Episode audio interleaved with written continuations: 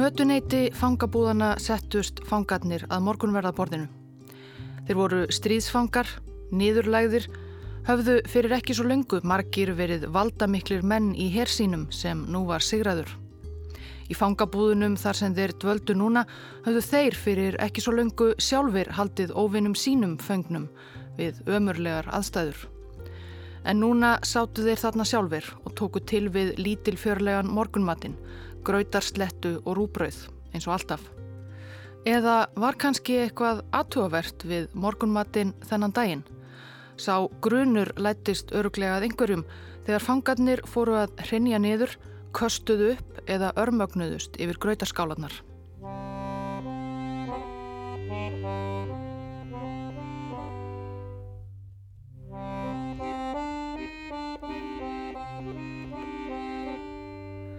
Ágæti hlustandi þetta er þriði þáttur af sögu um hóp hugrakra ungmenna, ungra gýðinga sem reyndu að standa í andspyrnu gegn þýskum, nazistum og samverkamönnum þeirra í Vilnu, Vilnius í Litáen á árum setni heimstyrjaldar. Ekki síst hefur sagan verið af fóringja ungmennana, Abba Kovner, ungskáldi og síónista sem hafi kvart félaga sína til að fara ekki bara eins og lömp til slátrunar eins og hann orðaði það. En tilraun Kovners og félaga til að efna til uppreysnar í gýðingagettóinu í Vilnu tókst ekki. Í búum gettósins var á endanum smalað saman og þeir sendir út í dauðan.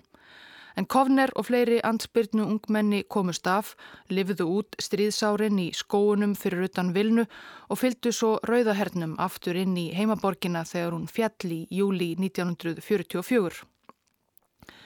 Á lokametrum stríðsins einbeittu Kovner og aðrir fyrverandi ansbyrnumenn sér að því að koma eftirlifandi gýðingum Evrópu í gegnum stríðskortna álfuna að ströndum miðjararhafs og þaðan yfir hafið til Palestínu. Það var markmiðið fyrir heitnalandið. Þó svo að Abba Kovner til dæmis hafi unnað fáu eins mikið og hann unni heimaborg sinni vilnu þá sá hann að það var enga framtíð að hafa fyrir gýðinga í Evrópu. Öll álvan var orðin að einum allserjar gravreit þjóðarhans og hver gatt vitað hvenar þjóðum Evrópu myndi aftur detta í hugað útrýma gýðingum.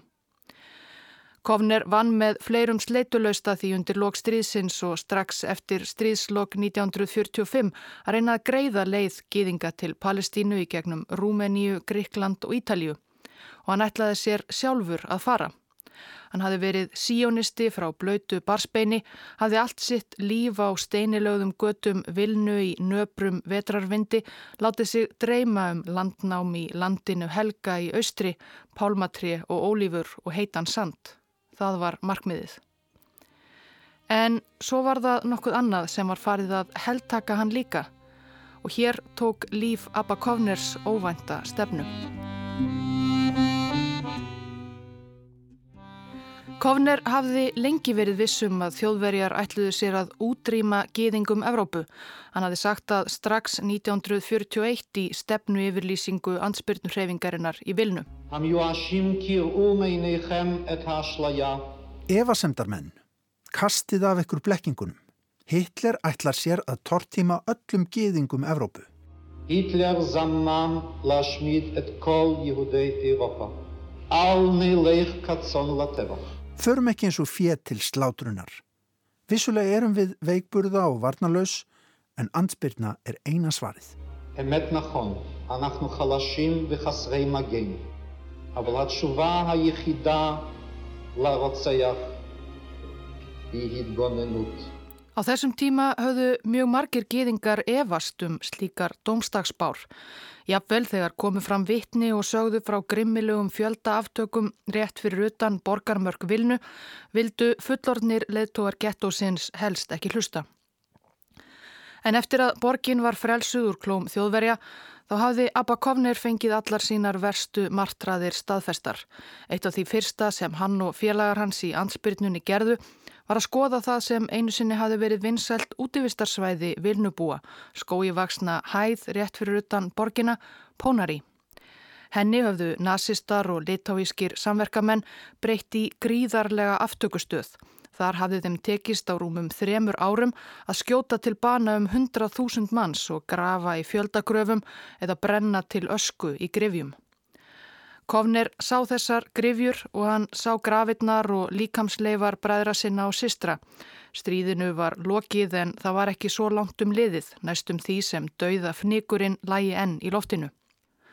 Á lokadögum stríðsins fóru Kovner og félagar hans til Lublin í Pólandi þar sem margir eftirlifandi leðtógar, ansbyrnu og félagarsamtaka gýðinga höfðu sapnast saman eftir að borgin fjall síðsumars 1944. Rétt í útjæðri Lublin höfðu þjóðverjar sett upp einar af fangabúðum sínum fyrir gýðinga og aðra óæskilega Mætanek. Búðir sem síðar urðu að útrýmingarbúðum þar sem 2000 gýðinga og annara voru myrtar. Skottnir fyrst, síðar sendir beint í gasklefana. Þangað fóru kofnir og félagar líka og skoðuðu blóðvellina. Sáu hversu auðvelt þetta var, hversu einfalt og gert með því líkri rósemt eins og Kovner saði síðar um morðin á gýðingum í stríðöldinni. Þau heyrðu líka frásagnir þeirra sem höfðu komist lífsaf úr öðrum fanga og útrymmingabúðum, treflinga, sópibor og auðvitað ásvits. Fréttu hversu marga gýðinga, þjóðverjum og samverkamönnum hafði tekist að myrða á þessum örfa og árum. 6 miljónir. Abakovner hafði öll stríðsárin dreymt um að komast til Palestínu í fyrirheitna land síjónistana og það var það sem brann á svo mörgum eftirlifandi gýðingum Evrópu þarna rétt um stríðslokk.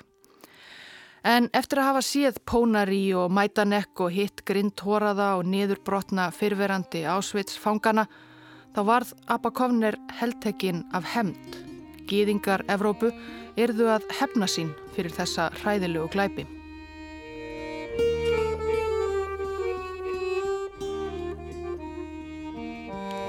Þeir rættu þetta fyrst varfærnislega á síðkvöldum í Lublin, Kovner og aðrir fyrverandi ansbyrnumenn og helfararfangar. Svo fjölgaði smátt og smátt í hópnum, hóp þeirra sem vildu hefna. Abba Kovner var alltaf jafn áhrifamikill og eitt kvöldið lagði hann fram nýja stefnueyfylýsingu. Númer eitt. Hættan á frekari og endanleiri tortímingu gýðinga er ekki úti þrátt fyrir hernaðar ósigur Hitlers. Númer tvö. Mörg lönd tóku þátt í að myrða 6 miljón geðinga og mörg þeirra eru reyðubúin að halda því áfram hvert á sinn hátt. Númer þrjú. Þar var Rittönd Kovners óskýr. Númer fjögur. Hugmyndina um að útalla megi blóði geðinga án refsingar verður að þurka út úr minni mannkins. Númer fimm.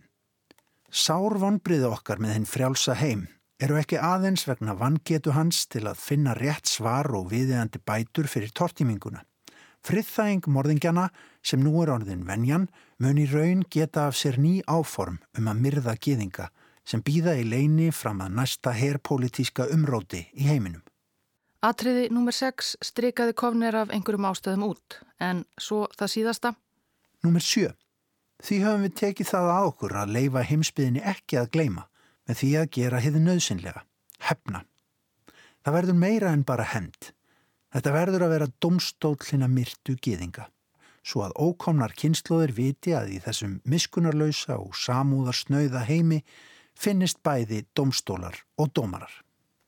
Samtökin sem stopnuð voru í kjölfar þessa fundar og þessar stefnu yfirlýsingar nefndi Kovner Dín sem bæði þýðir dómur á hebreysku og er skamstufun á frasanum Dam Ísrael noter, blóð Ísraels er hemdarfúst. En aðgerðin sem hann og félagar hans í Lúblin fór nú að leggja á ráðinum var þó oftast kölluð Nakam sem er einnig hebreska og þýðir einfallega hemd.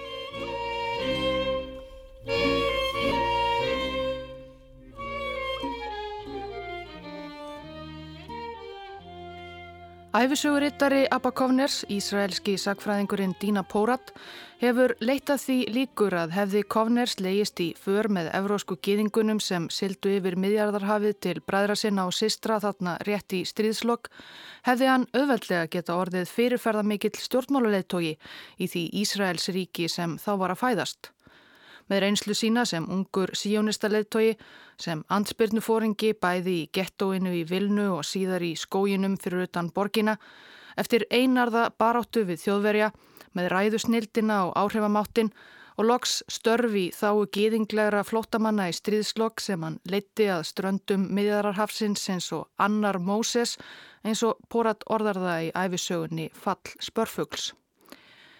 En fyrirferðamikill stjórnmála leittói í Ísrael varðan aldrei því hann fór ekki strax til Ísraels heldur helgaði sig Nakam, hemdinni í orðsins fylstu merkingum.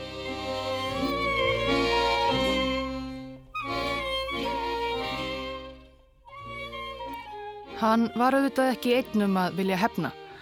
Hluti gýðingahersveita Breska hersins, Jewish Brigade, skipaðar hermönnum frá Palestínu, var sendur til Breska hluta hins sigraða Þískalands í stríðslokk. Sumir hermenn, sem höfðu margir mist ástvinni í helfurinni, tóku tilvið að hefna sín persónulega á þjóðverjum, myrtu fjölda þýskra og austurískra hermanna og stríðsfanga án dóms og laga og upp á sitt einstæmi í óþökk yfirbúðara sinna. Talið er að þeim hafi tekist að drepa einhver hundruð manna. Þegar brettar áttuðu sig á því hvað var að gerast voru gýðingahersveitirnar sendar til Belgíu og Hollands í staðin. En það sem Abba Kovner hafði á prjónunum var eitthvað allt annað. Með hans eigin orðum löngu síðar. Við vildum skipulaða á einstaka hemdaraðgerð. Þetta var eitthvað sem bara þeir sem höfðu lífað af svo hryllilega morð geta gert. Þetta var hugmynd sem hver skinnsum manneskja gætt séða var störtluð. En fólk var einlega störtlað á þessum tíma, kannski meira en störtlað. Þetta var hryllileg hugmynd, sprottin upp úr örvinglun, með vott af sjálfseyðingar kvöt. Hugmynd um einhvers konar vítiseld, auga fyrir auga, þjóð fyrir þjóð. Það er að drepa 6 miljón þjóðverja.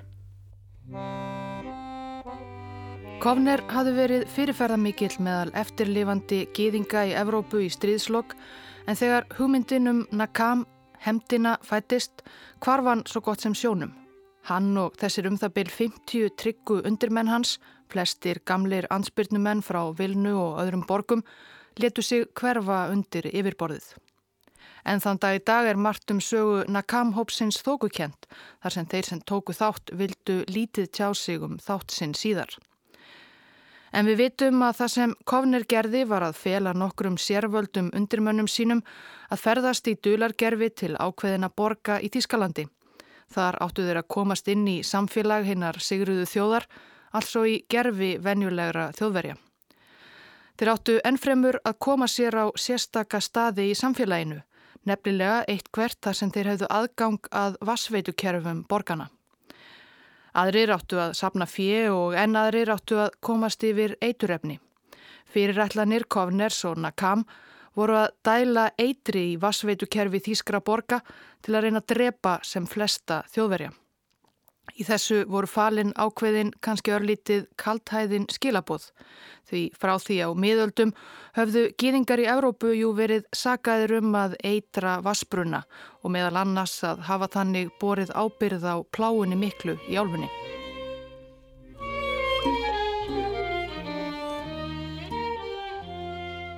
Í ágúst byrjun 1945 um það byl sem stríðsátökum var loksa ljúka í Asíu Sildi Abakovner frá Milano dullbúin meðal gýðinga Hermanna Bretta sem voru á leiði frí heim til Palestínu. Hann var í herbúning og hafi látið klippa síða rokna hárið. Það þurfti mikið af eitri til að drepa 6 miljón þjóðverja eins og hann vildi og Kovner taldi sinn besta möguleika að komast yfir slíkt likja hjá gýðingasamfélaginu í Palestínu. En þó, Um borði í skipinu skrifaði hann bref til Vítku Kempner, félaga síns úr ansbyrnunni í Vilnu, sem var þá orðin unnustans og í fórustusveit Nakam. Hún beigði í París og stjórnaði aðgerðum í Evrópum.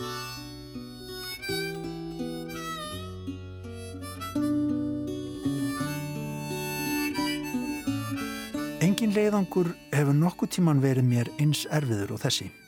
Sorg og sársauki sitja á hjarta mínu eins og steinar. Ég verð að komast til Ísraels og ég veiti að mér takist ekki ætlunarverk mitt. Og því meira sem ég hugsa út í vandamálið og því meira sem ég læri um hugsunarhátt geðingana þar, því örvendinga fyllir í verðjag. Það verður ekkert fyrir mig að gera þarna. Mér líður eins og ferðin verði loka höggið og hjartað segi mér að það að kynnast Ísrael valdi mér bara sásöka. Kovner var á leið til Ísraels en hann hafði sumsið þegar áttað sig á því með því að ræða við fulltrúa palestínsku gýðingana í Evrópu að þeir voru lítið spendir fyrir skipulögðum einstökum hemdaraðgerðum gegn þjóðverjum eins og hann hafði í hyggjum. Þeirra markmið var helst að skapa sér velvild meðal sigurvegarana í stríðinu svo að Ísraelsríki fengi formlega að verða til. Fjöldamorð yrðu ekki til þess. En Kovner vildi samt láta á það reyna. Hann kom til Palestínu síðar í ágústmánuði í kegnum Aleksandriu og svo landliðina yfir sína í skagan. Dölbúningur hans sem hermaður gýðingahersveitarinnar reyndist ansi ósamfærandi, svo mjög að hann var handtekinn strax við komuna til Tel Aviv borgar af útsendurum þess batterís sem síðar varð Mossad, leini þjónusta Ísraelsríkis. Kovner var haldið í stofufangelsi í nokkra daga og spurður í hvaða erindagjörðum hann væri kominn. Hann gaf ekkert upp og varðalokum látin laus, frekar kvömpin út á sólbjartar götur Tel Aviv. Það var mitt sömar. Húsin voru kvít undir heiðum himninum og út á götunum flætti fólkið fram eins og fljót, örugt. Og karlar og konur og börn óðu og dýðu sér í sjóin við Tel Aviv. Fólkið bladraði í gleðisinni og ég stóð meðal þeirra eins og hauskúpa í veislunni. Næstu daga og vikur fundaði Kovner með ímsum fórustumönnum palestínsku gýðingarna, menningarvitum og samirkjubústjórum og svo framvegis. Vitandi að fyrirætlanir hans um að myrða 6 miljón þjóðverja myndu tæplega að finna hljómgrunn, hjælt hann þeim kyrfilega leindum. Í stað þess kynnti hann fólki það sem nakamliðar kolluðu Plan B, að eitra ekki fyrir almennum borgurum, heldur aðeins gömlum SS-mönnum og öðrum hermönnum, stríðsklæpamönnum og morðingjum sem sátu í fangabúðum bandamanna í Þískalandi. Og alltaf bauðst Kovner til að taka alla ábyrðina við handtöku og blanda ekki gýðingum í Palestínu í málinn á neitin hátt. Samkvæmt frásögn Kovners sjálfs af nakam aðgerðunum sem hann ritaði loks á dánarbeðinum tókst honum meira segja að komast á fund Chaim Weismanns áhrifamesta leðtoga síónista á heimsvísu sem var jafnframt efnafræðingur.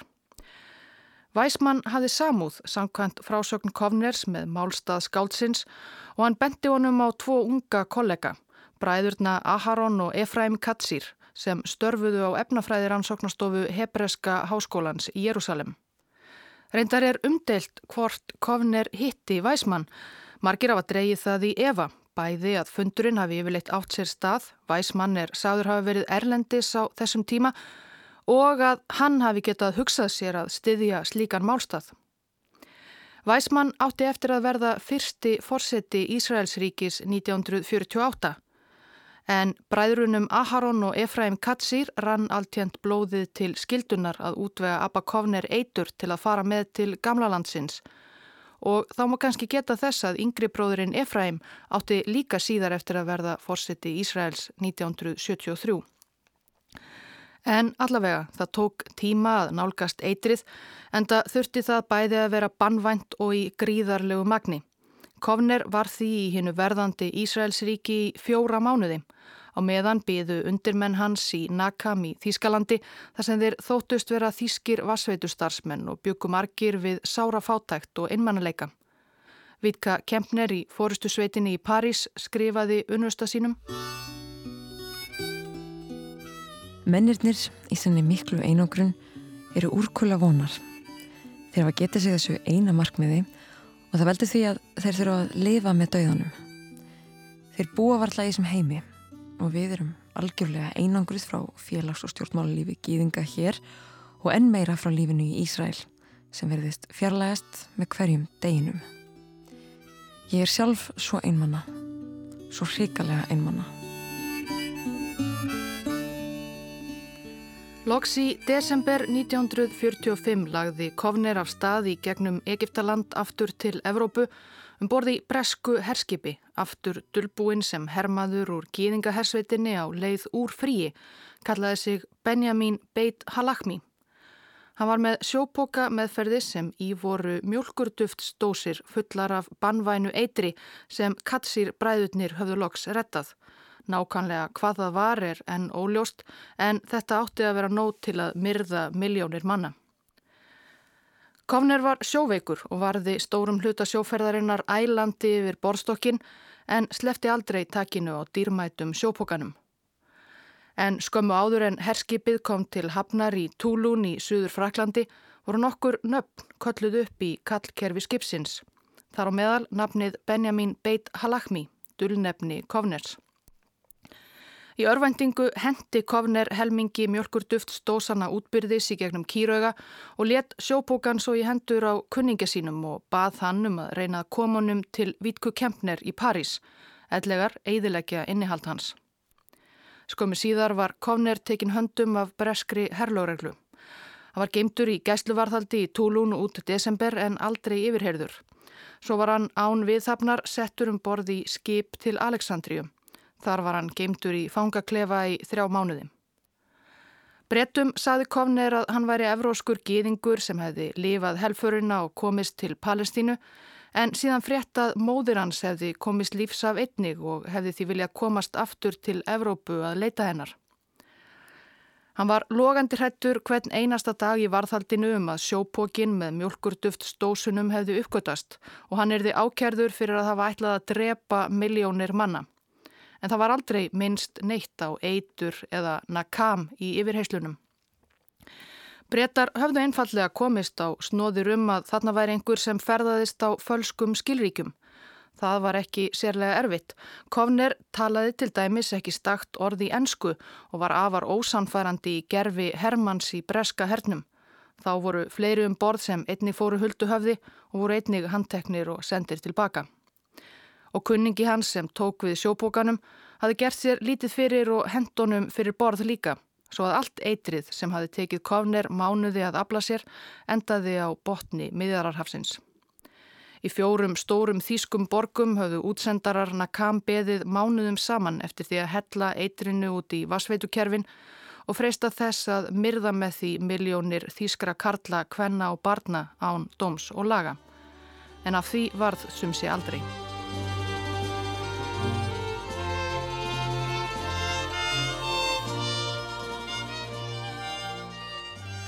Abakovner snýri ekki aftur til Evrópu.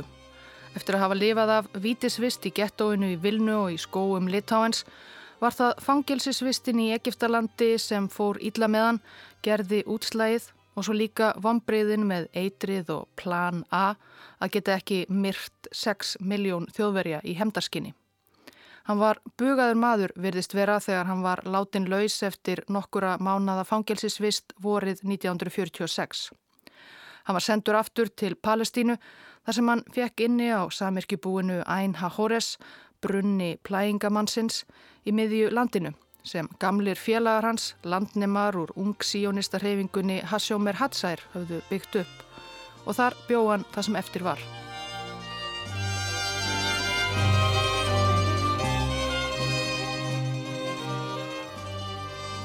En starfi Nakam því var ekki lokið. Þegar ljóst var að leiðtógin ætti ekki aftur kvæmt til Evrópu ákvaðu nakamliðar í Þýskalandi að snúa sér alfarið að plani B. Tvær nakamsellur heldu áfram störfum, báðar í Bæjarlandi, önnur í Nürnberg og hinn við Dachau. Einn nakamliði í fórustusveitinni í París, Yitzhak Ratner frá Vilnu, var efnafræðingur og á haustmánuðum 1945 hafði hann þróað eiturblöndu sem var bragð og litarlaus og væri því hægt að lauma í mat þýskra stríðsfanga bandamanna. Blandan var aðalega arsenik og lím og ítrekkaðar tilraunir Ratners á saklausum köttum síndu að hún var vissulega baneitruð. Meira en átján kílóum af eitrinu var svo smiklað frá Fraklandi til Nakam liðana í Þýskalandi. Rétt fyrir utan Nürnberg voru fangabúðurnar Stalag 13 fyrir um fangabúður þriðjaríkisins sem nú lötu stjórn bandaríkjana og hýstu um 12 til 15.000 þýska fanga þar á meðal marga fyrir um SS-fóringja og aðra valdamikla menn.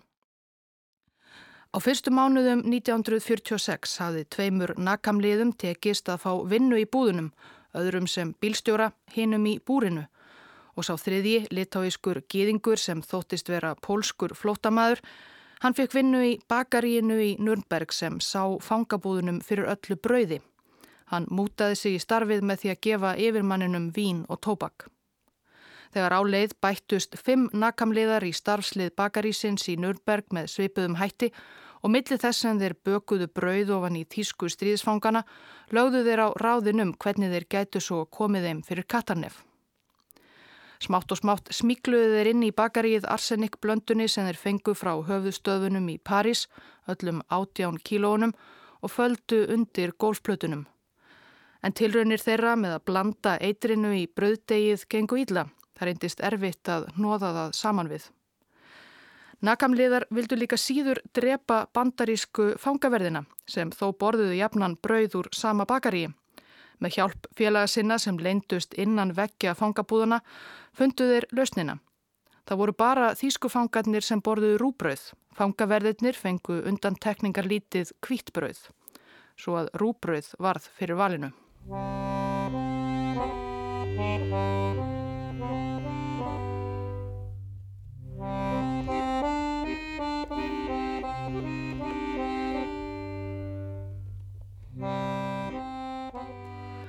Á meðan Nürnberg sellan bakaði brauð höfðu nakamliðar í Dachá staðið í svipuðu amstri. Þeir höfðu laumað sér í starfslið fangabúða þar sem bandamenn geimdu þýska stríðsfanga ekki langt frá þeim hryllilegu búðum þar sem nazistar höfðu áður geimt gýðinga og í starfslið bakarísins sem sá þeim búðum fyrir brauði. En þegar báðarsellur í Nürnberg og í Dachau ætluðu loks að fara að láta til skarar skrýða eftir margra mánaða undirbúning í aprilbyrjun 1946 bárust höfustöfum Nakam í París upplýsingar um að lögregla væri á höttunum eftir tveimur Nakamliðana í Dachau. Svo að svo aðgerð var snarlega kölluð af til að stefna ekki aðgerðum í Nürnberg í hættu.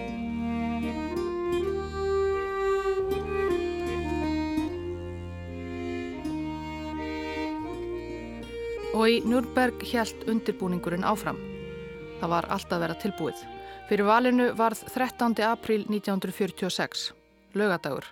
Það var vist svo að það voru allra minnstar líkur á því að bandarísku fangaverðinir letu rúbröð inn fyrir sínar varir á lögadugum. Svo að lögadagur var það að vera. Þar sem Ítla hafi gengið að hnoða eiturblönduna saman við rúbröðstegið gripu nakamenn til þess að maka henni utan á tilbúna bröðhlefana Hún var jú lyktar, litar og bræðlaus. Þetta var seinlegu starfi og þarna í morgunsárið tókst nakamliðunum sex ekki að eitra nema brota af öllum þeim rúbröðsleifum sem þeir höfðu ætlað sér. Ekki nema svona 3000 af þeim 14.000 rúbröðum sem stalag 13 búðirnar í Nürberg fengu send þennan morgunin voru mökuð arseniki. Þegar morgunsendingin var farin forðuðu bakari starfsmenninni sér. Þeim tókst fljótlega að koma sér yfir til Tjekkoslovakíu og þaðan til Suður Fraklands og loks Ítalíu. En hvað var að gerast um leið í fangabúðunum Stalag 13? Frankfurt, Þískalandi, 19. april AP. Eitrað var fyrir 1900 þýskum strísfengum með arseniki í brauði þeirra fyrr í vikunni í fangabúðum bandarækjana og allir eru alvarlega veikir tilkynntu bandarísk hernaðar yfirvöld í kvöld. Úr frétt New York Times. Eitruninn átti sér stað meðal fanga í Stalag 13 næri Nürnberg en ekki hefur verið greint frá döðsföllum. Williams ofursti frá Denton í Texas sagði að eitrið hefði fundist á skorpunni. Hann sagði að arsenikinu geti hafa verið stráð á hillur bakarísins til þess að varna gegn kakkalökkum og þannig komist á brauðuð. Í sumum útgáfum af þessari sögum segir að gýningunum í Nakam hafi tekist að drepa fjölda fanga, jáfnvel þúsundir, og bandaríkin reyndað hilma yfir það. En samkvæmt áður leinilegum bandarískum herskjölum sem fréttastofa AP fekk aðgangað 2016 var það ekki raunin.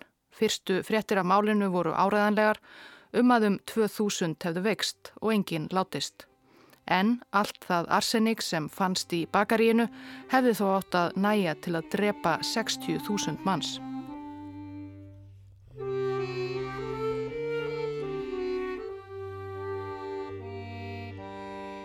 Hemdini var lokið. Flestir nakamliðar fluttu skömmu síðar til Ísraels. Þótt sumir hafi ekki geta sleft tilugsuninni um að hefna og orðið eftir í Evrópu en þeim varð lítið ágengt.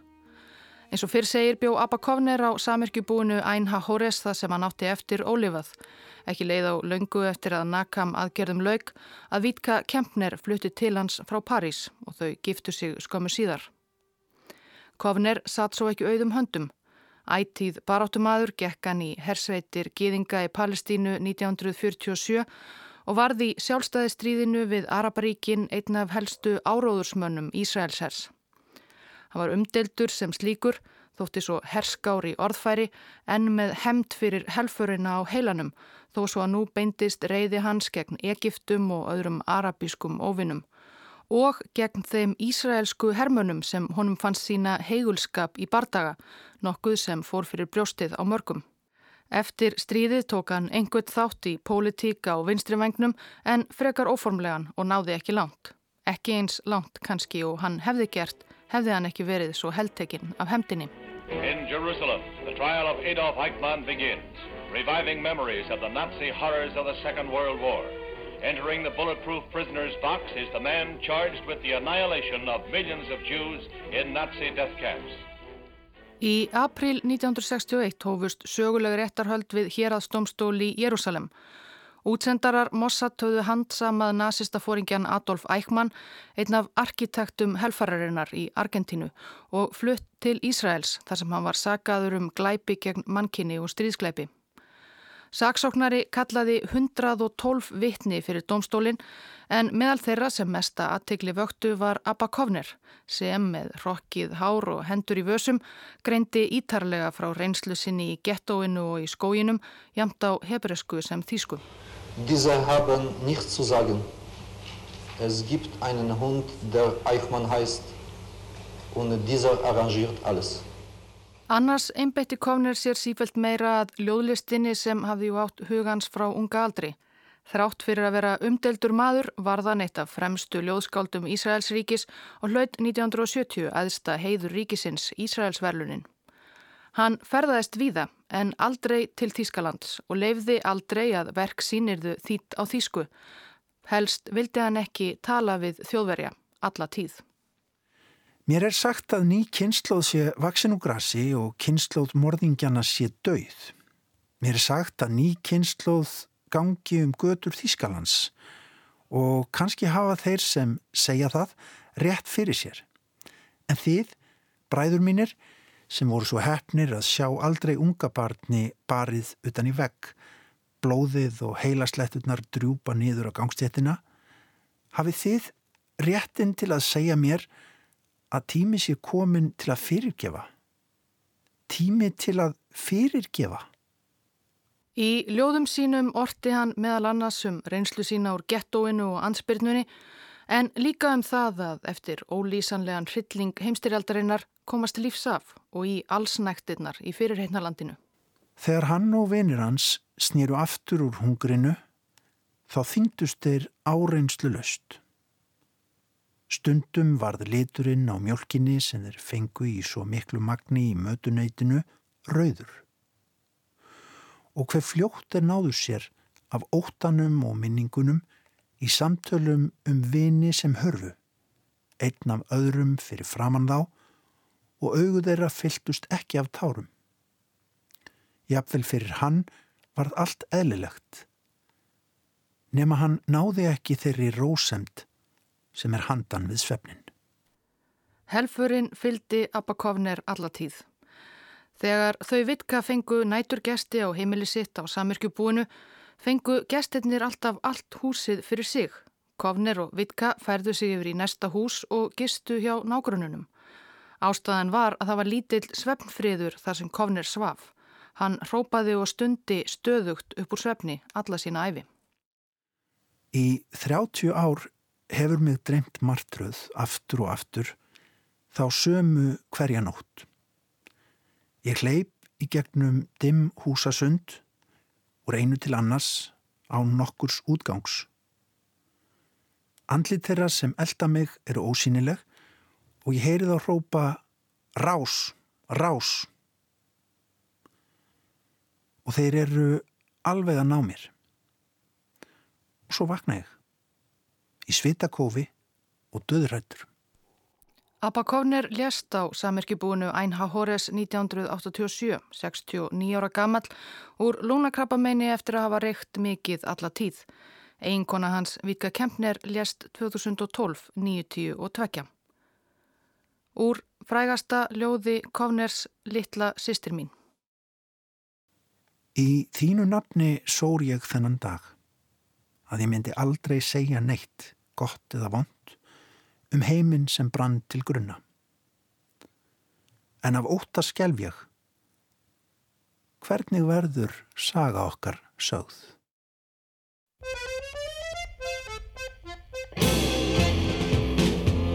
In 1945 Among the Jews who were left alive There came a visionary man turned his wrath into a plan. Abakovna was his name. As a partisan he earned his fame. He once was a Vilna rebel Jew. A poet warrior through and through some surviving ghetto fighters, Zionists and socialists conspired. They gathered in a Lublin flat and around the kitchen table sat. They gave themselves a Hebrew name. And with this word they did proclaim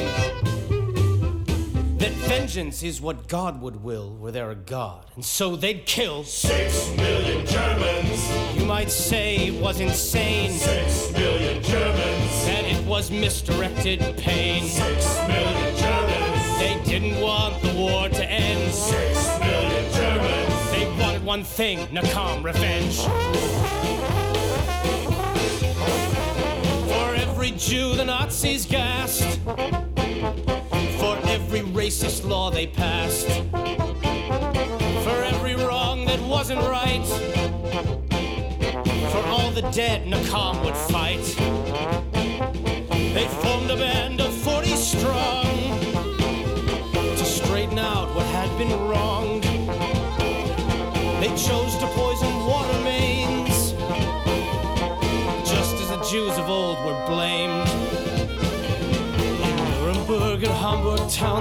Agents worked the underground. They took up jobs by the riverside and waited for the poison to arrive. Kovner went to Tel Aviv to see what help he could receive. But the Haganah did not agree to join in his conspiracy. Six million Germans. You might say it wasn't right Six million Germans. that an eye for an eye leaves all without sight. Six million Germans.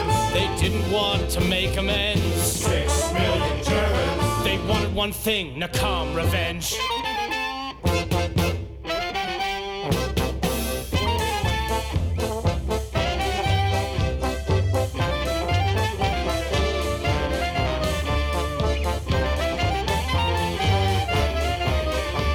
So Abakovna headed back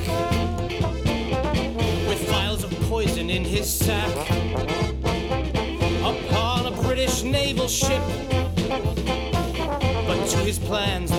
were tipped. They took him into custody, and the poison fell into the sea. And Kovner spent a year in jail, and so Plan A did not prevail. The rest of the group was all dispersed, and all their backup plans were cursed. Agent in a bakery, he got some poison from Paris, and as soon as the poison bread had risen, to an Allied prison. And various reports have said there were hundreds of SS prisoners dead. Six million Germans. You might say that it was wrong, Six million Germans. but were their actions weak or strong? Six million Germans. And who are we to judge and condemn? Six million Germans. Well, they wanted one thing, Nakam revenge.